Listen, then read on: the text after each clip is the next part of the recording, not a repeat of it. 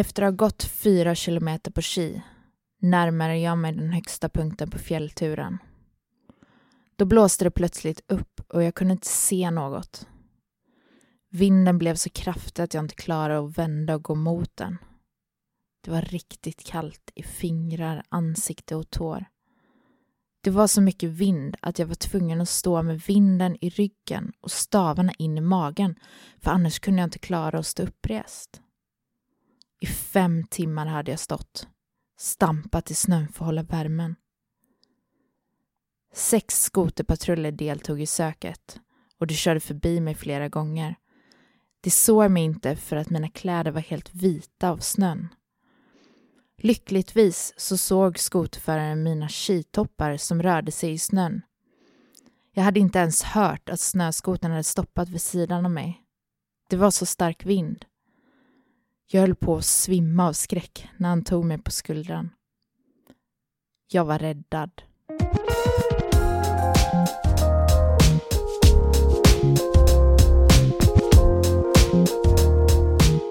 Välkomna till Värpodden som presenteras av Meteorologiskt institut. En podd där meteorologer finner svar på de allra viktigaste men också de allra märkligaste frågorna inom vär och klimat.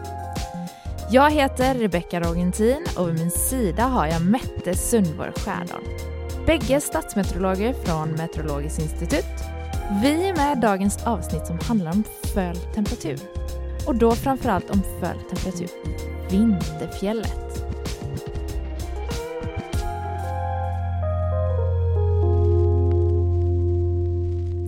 Hej Mette! Hej Rebecca! Litt av en historia historie som du eh, har i begynnelsen i dag. Og dette her, det er jo faktisk en eh, sann historie om en, om en venn av deg. Og hun var på fjellet og upplevde opplevde veldig mye vind og låga lave temperaturer.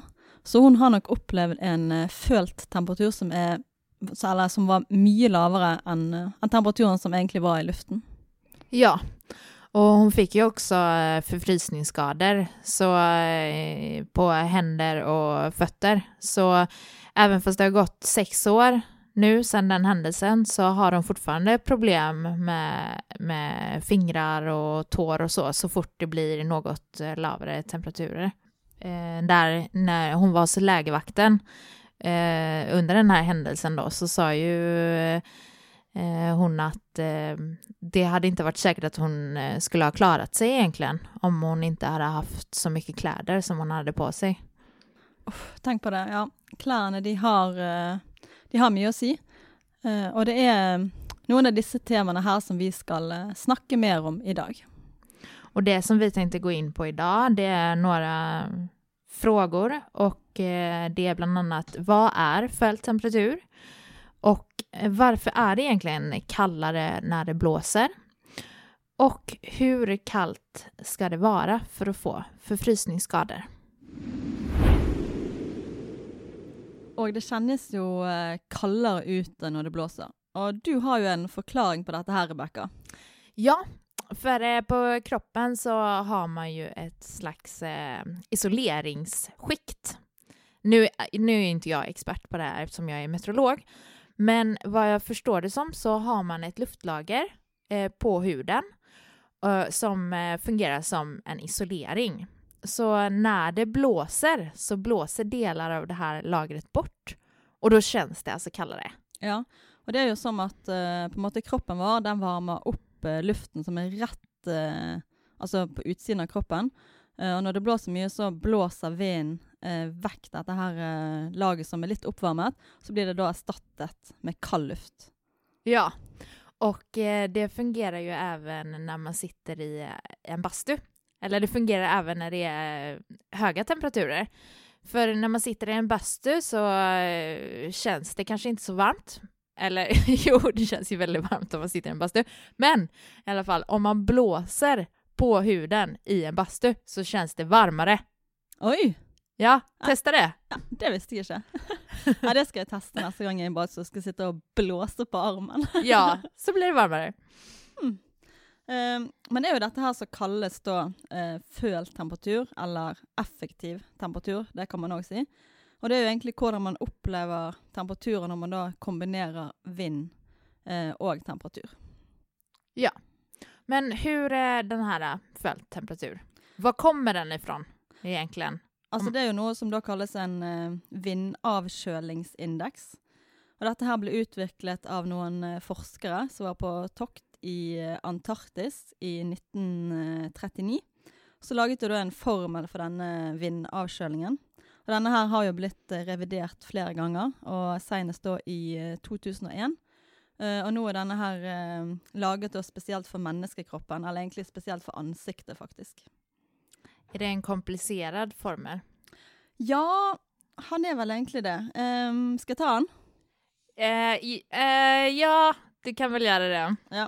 Eh, 13,12 pluss 0,6215 ganger med temperaturen. Minus 11,37 ganger med vindhastigheten opphøyd i Jag har redan somnat. ja, han, Det høres ikke så bra ut, men det som eh, er greit, da, det er jo at det finnes eh, tabeller med effektiv temperatur. Eh, så det finnes f.eks. på, på Yr sin hjemmeside. Um, og her kan man jo da se i tabell hvis man da har en temperatur i utgangspunktet, og vet eh, hvor mye det blåser. Så kan man da finne den, den effektive temperaturen på den måten, da. Men ska vi ta ett exempel då utifrån den eh, tabellen? Ja, det må vi gjøre. Så på Gilo till exempel, vad skulle det kunna vara där för vind och temperatur? Ja, for eksempel da hvis det blåser eh, lett bris, altså sånn ca. 4-5 meter per sekund, og så er det da eh, minus 5 grader i luften, da kjennes faktisk dette ut som minus 11 grader. Det är ju mycket kallare. Ja, det er faktisk eh, ganske sko- stor forskjell da på, på temperaturen som er i luften, og den man kjenner på huden. Mm. Och sen kan vi även säga att eh, man behöver inte gå in och titta i en eh, tabell för att se den här eh, temperaturen. Nej, eh, för man har òg den følte temperaturen på mobilappen till Yr. Där står det först temperatur, så står det følt temperatur eh, like under. Eh, her man vara lite obs, eh, spesielt da med lokale forhold i fjellet. For det är inte alltid att eh, prognosene klarer å ta vinden i fjellet så veldig godt, at de har høy nok vind. Og dermed kan den eh, følte temperaturen òg eh, Altså vi, man må være litt ekstra obs her, da. Men eh, Mette, du är ju från Västlandet, härifrån Bergen. Eh, så du har väl inte upplevt eh, så lava temperaturer? Nei, ikke så veldig lave temperaturer her i Bergen. ehm, for her er det jo rett og slett eh, ikke så veldig kaldt. Eh, det er mye regn, og eh, et par minus har vi jo, men eh, ikke noen veldig lave temperaturer. Men jeg har bodd ett år i Gvarv, altså det er i de indre strøkene av Telemark. Og Gvarv det er et sånt sted som ofte blir Det blir veldig varmt om sommeren, og så kan det bli veldig kaldt om vinteren. Det var nok ikke så veldig kaldt den vinteren som jeg var der, men jeg opplevde i hvert fall minus eh, 20 grader. Oj. jag, eh, jag- jag var i Kanada eh, en gång och skulle åka skidor i Lake Louise i Rocky Mountains. Och där när vi kollade på gradstocken på morgonen så var det minus 39 grader. Oi, oi, oi. Ja, det er kaldt. Mm. Och det är ju så att när det är så kallt, om man ska åka skidor, så är det ju viktigt att man bara täcker sig helt. Ja, man må Eh, dekke egentlig all, all bar hud. Ja. Eh, så det jag brukar göra är att jag liksom har någon sån halsduk som jag tar upp och täcker hela kinderna, täcker näsan och sen så brukar jag sätta eh, skidbrillorna över så att det är verkligen ingen hud som, som syns. Mm. För det, för det blir ju också så när man åker ner för backen så får man ju, även fast det kanske inte är så mycket vind som det var den gången, så får man mycket vind på sig när man eh, åker ner snabbt för backen då. Det gjør man og da Mm. blir det jo en lavere følt temperatur. Ja, och, och eh, det var ju en eh, kille där i vårt gäng då eh, som, eh, som åkte ner utan att täcka sig. Mm. Eh, alla andra hade ju täckt sig då, men han eh, gjorde inte det den gången när vi åkte ner för den backen. Så när han kom ner så hade han stora vita sådana blämmor på kinderna och hela näsan var, he- alltså den var helt vit. det var en enda stor liksom, ja, blämma eller vad man säger på näsan. Alltså, det såg så hemskt ut alltså. Uff, ja. Altså, det skal faktisk ikke så veldig masse til for å få forfrysningsskader. Um, allerede ved null grader så kan man få det, men det er jo liten sannsynlighet eh, for det da. Men uh, for eksempel med uh, ved en effektiv temperatur på, på minus ti grader, så er det moderat fare for å få forfrysningsskader. Og hvis den følte temperaturen er, er minus 25 eller lavere, så är det faktiskt eh, stor sannsynlighet för att få skador på huden på grund av det kalla vädret. Mm. Så en sak är ju vad det är för temperatur och vad det är för vind. Men sen så handlar det också om hur länge man utsätts för eh, temperaturen och vinden. Då. Ja, det är riktigt. Alltså om man utsätts för, eh, för låga temperaturer eh, över lång tid eh, så skall det ganska, alltså då kan man fort få en, en förfrysningsskada. Mm. Så om vi tar, eh, för det här finns ju också då kan vi ju säga till lyssnarna att eh, det finns en tabell på i sin hemsida där man kan se hur lång tid det tar eh, för att få förfrysningsskador om man utsätts för en viss temperatur och en viss vind. Då. Ja. Eh, ska vi kanske ta det um, exemplet som, som du hade när du var i Kanada? Mm. Um, så då var det ju så cirka minus 35? Ja, det blev ju lite varmare under dagen när solen gick upp och det blev lite mer omrörning i eh, luften. Eh, så säg det var minus 35 och sen så när han eh, körde ner för backen så eh, kanske han körde eh, 30, 30 kilometer i timmen. Och eh, om man räknar om det till meter per sekund så är det cirka 8 meter per sekund. Eh, och då ser man att eh, det tar cirka 6 till 8 minuter då och få en fry frysningsskada. Ja, det är inte lång tid alltså. Nej, så det var ju inte konstigt att han åkte ned för en backe och sen eh, fick frysning då. Eh, men så kan vi ju se på också ett eh, ganska extremt exempel. För exempel på Mount Everest. Ja, där kan det ju vara riktigt kallt och riktigt blåsigt. Ja, alltså om man säger det är då eh, eksempel minus eh, 50 grader, eh, for det kan jo være det.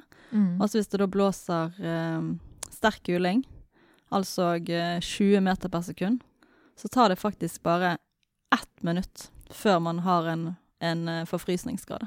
Ja, så då, det är ju verkligen så, där kan man ju inte ta sig vantar eller mössa. Man, kan, man måste vara helt täckt hela tiden. Ja, där man vara helt tildekket. Man kan ju inte gå på toaletten heller. Nej, det kan man heller sikkert ikke gjøre. Nej. Men uh, dette er jo et uh, ekstremt exempel, men det bara visar att uh, det tar ganska kort tid før man får en förfrysningsskada. Nu är det så att jag och Mette har skrivit en fin eh, sammanfattning till er eh, lyssnare som vi tänkte ta och läsa upp. Eh, och jag börjar.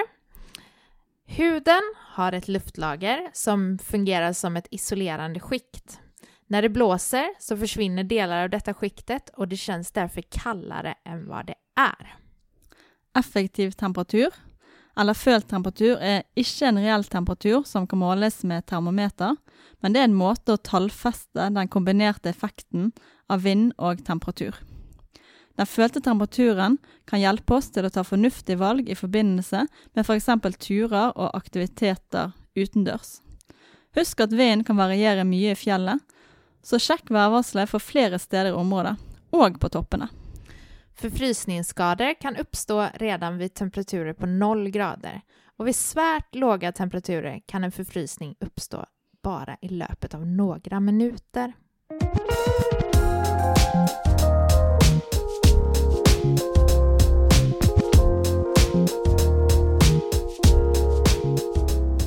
Du har lyssnat på Värpodden som presenteras av meteorologerna hos Meteorologiskt institut. Vi hörs igen nästa gång. Ha det bra!